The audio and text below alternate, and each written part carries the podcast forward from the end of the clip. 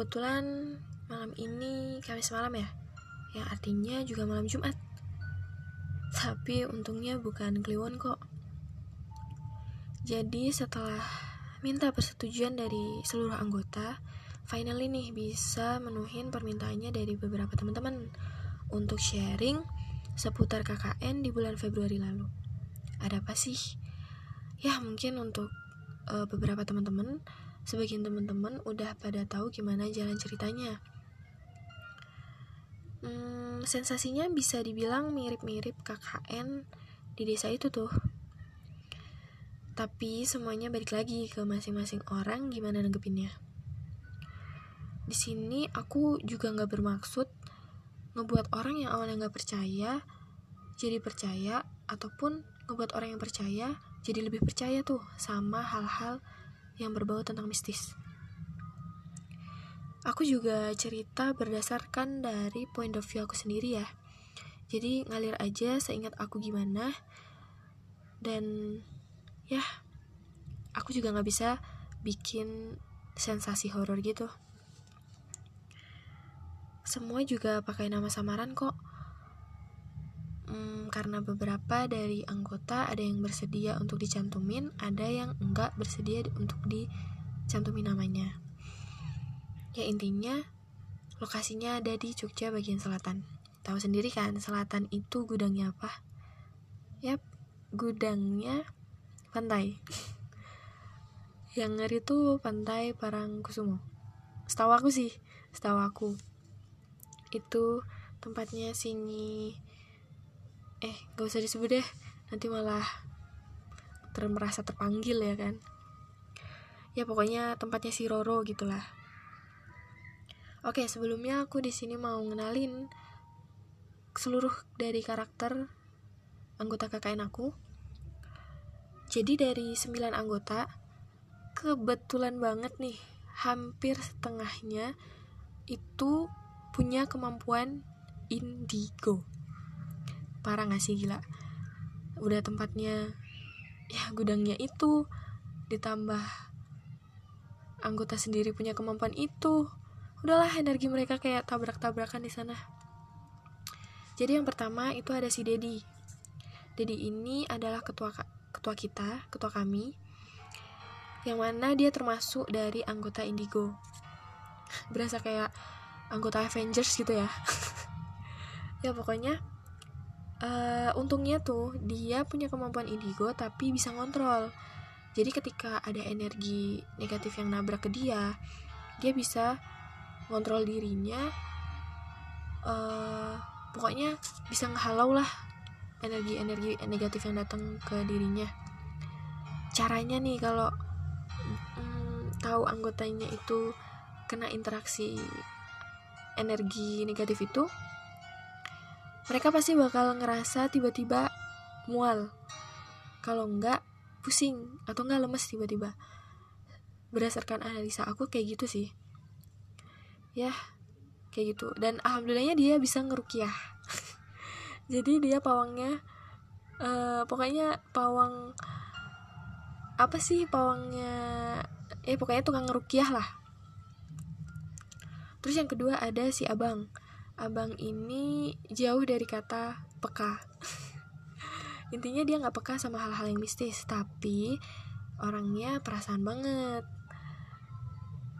Bisa dibilang yang paling parah sifatnya itu adalah jahil. Jahilnya bukan main sampai dia pernah ngerasa ngerasa khawatir sama kejahilannya sendiri karena takut karena eh, secara nggak sadar dia itu ngelaku ngelakuin suatu kejahilan tapi justru mengundang hal-hal itu. Kayak gitu loh. Ya ya makanya bang jangan jahil jadi orang. Terus yang ketiga itu ada bendahara. Bendahara kita ini juga termasuk salah satu anggota indigo. Dia bisa dibilang paling sensitif sih paling sensitif. Dan semua kedok uh, keempat anggota ini eh ketiga anggota yang lain kedok indigonya terbongkar ya gara-gara bunda Hara ini. Karena orangnya panikan juga. Tapi kuat kok orangnya. Terus yang keempat ada si teteh. Teteh itu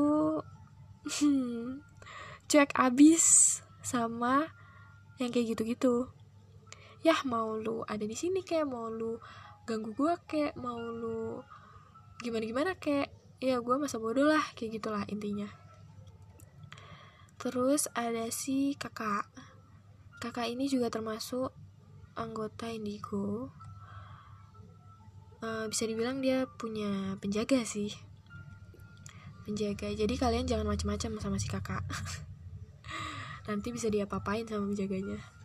Enggak lah bercanda ya pokoknya dia ada yang jagain dan dia juga bisa ngerasain hal-hal kayak gitu juga. Terus ada si bocil. Bocil ini juga termasuk anggota indigo. Ya dia tapi diem-diem menghanyutkan. Enggak juga sih. Ya pokoknya diem-diem tapi ternyata dia punya segudang kejadian yang enggak dia ceritain ke teman-teman. Karena takut teman-teman juga pada panik. Dan saking diemnya dia juga apa ya jadi stres sendiri. Ya intinya dia baik banget sih orangnya. Ya semua anggota baik. Apaan sih? Ya oke okay, lanjut next. Si ada si Nana. Nana ini orangnya sangar. Kalau udah dandan tuh bener-bener sangar. Ya namanya juga calon jaksa ya kan? Ah pokoknya anak uh, anak anak-anakan. Ya itulah pokoknya. Uh, dia sangar tapi manja. Dah kayak gitu sih. Dia nggak nggak sensitif sama hal-hal kayak gitu. Tapi penakut juga sama kayak Priska Priska ini anaknya kepo. Kepo banget kepo abis dah. Tapi takut abis itu. Jadi kadang uh, anggota yang lain tuh ketika ada suatu hal terjadi dia ketinggalan terus dia kayak eh apa sih apa sih? Gimana gimana gimana? Ceritain dong ceritain dong. Nah tapi nanti setelah diceritain bikin panik sendiri. Jadi kayak para anggota yang lainnya tuh kayak gemes gitu loh. Udahlah kamu tuh nggak usah tahu gitu kan.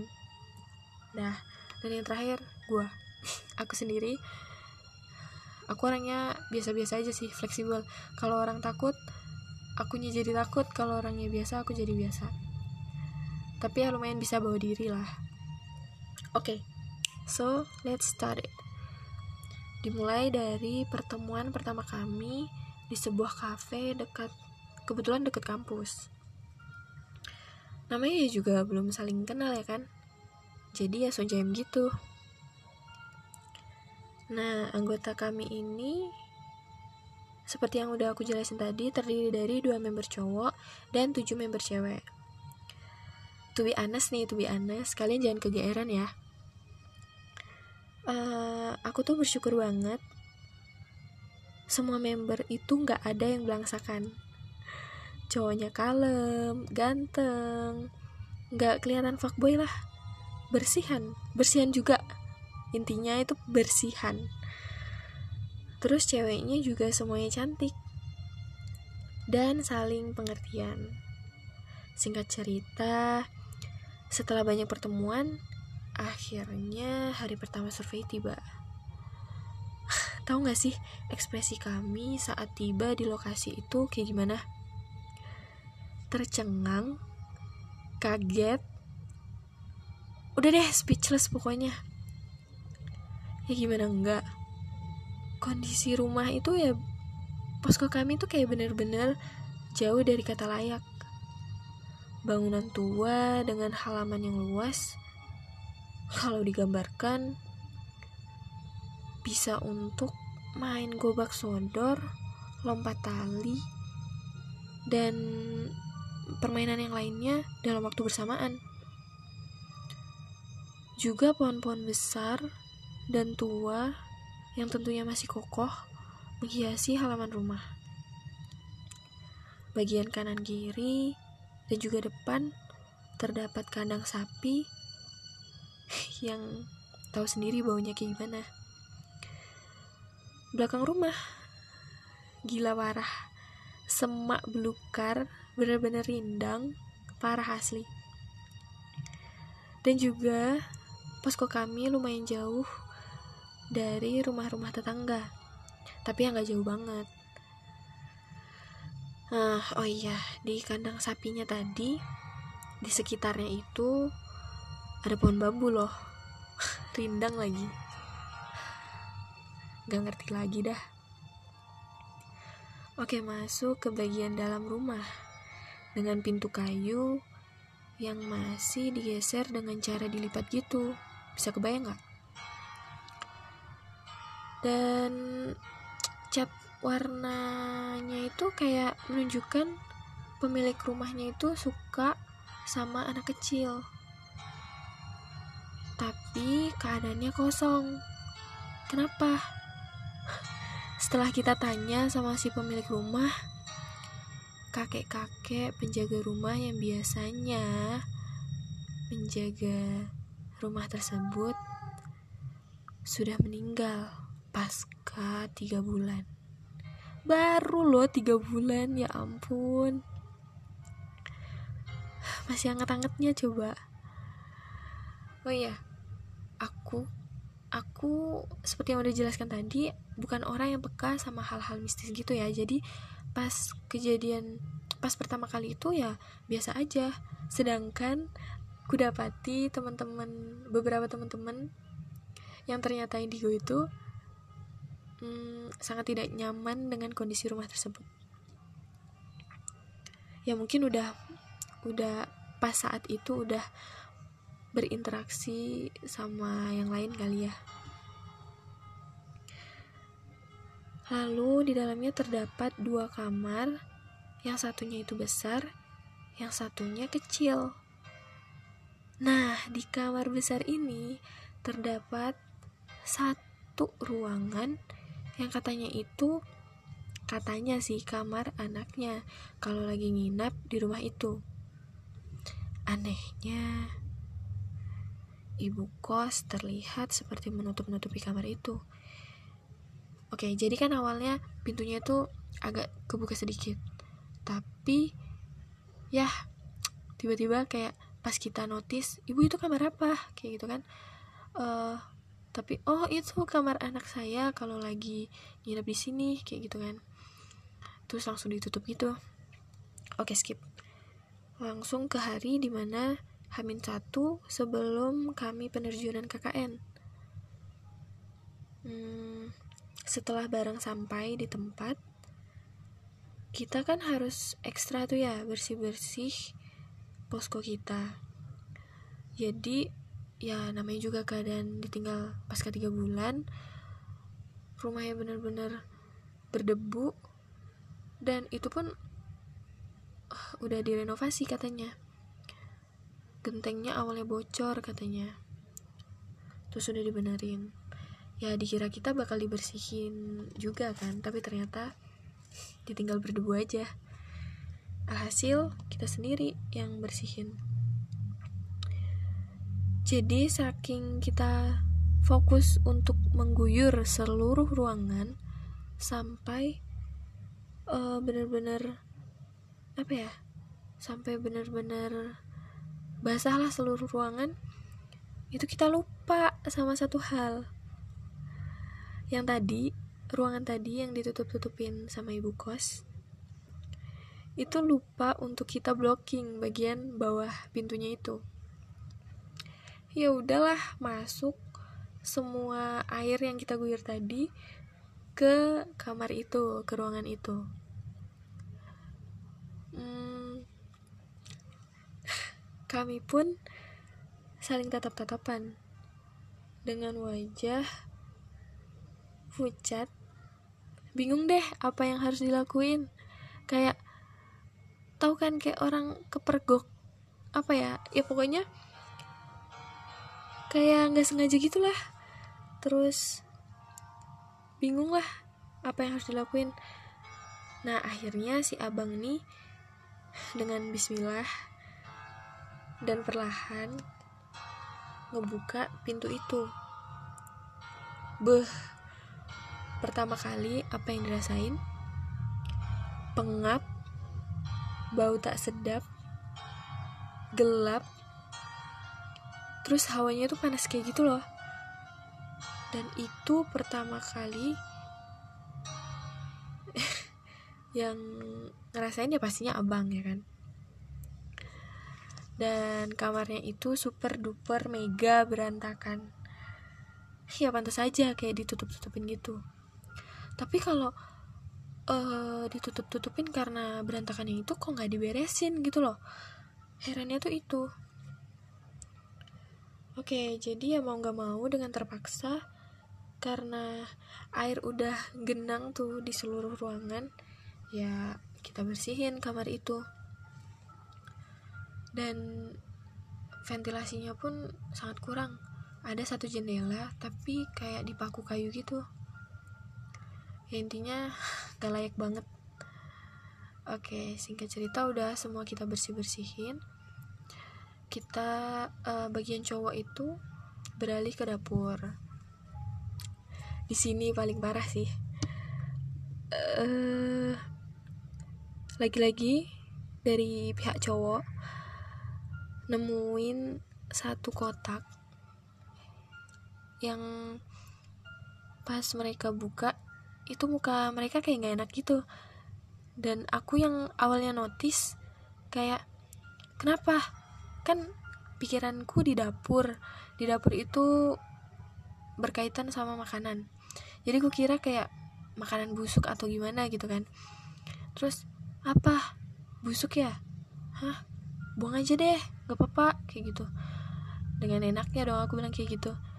Dan ternyata uh, di situ juga beberapa anggota udah ada yang mulai bereaksi tuh.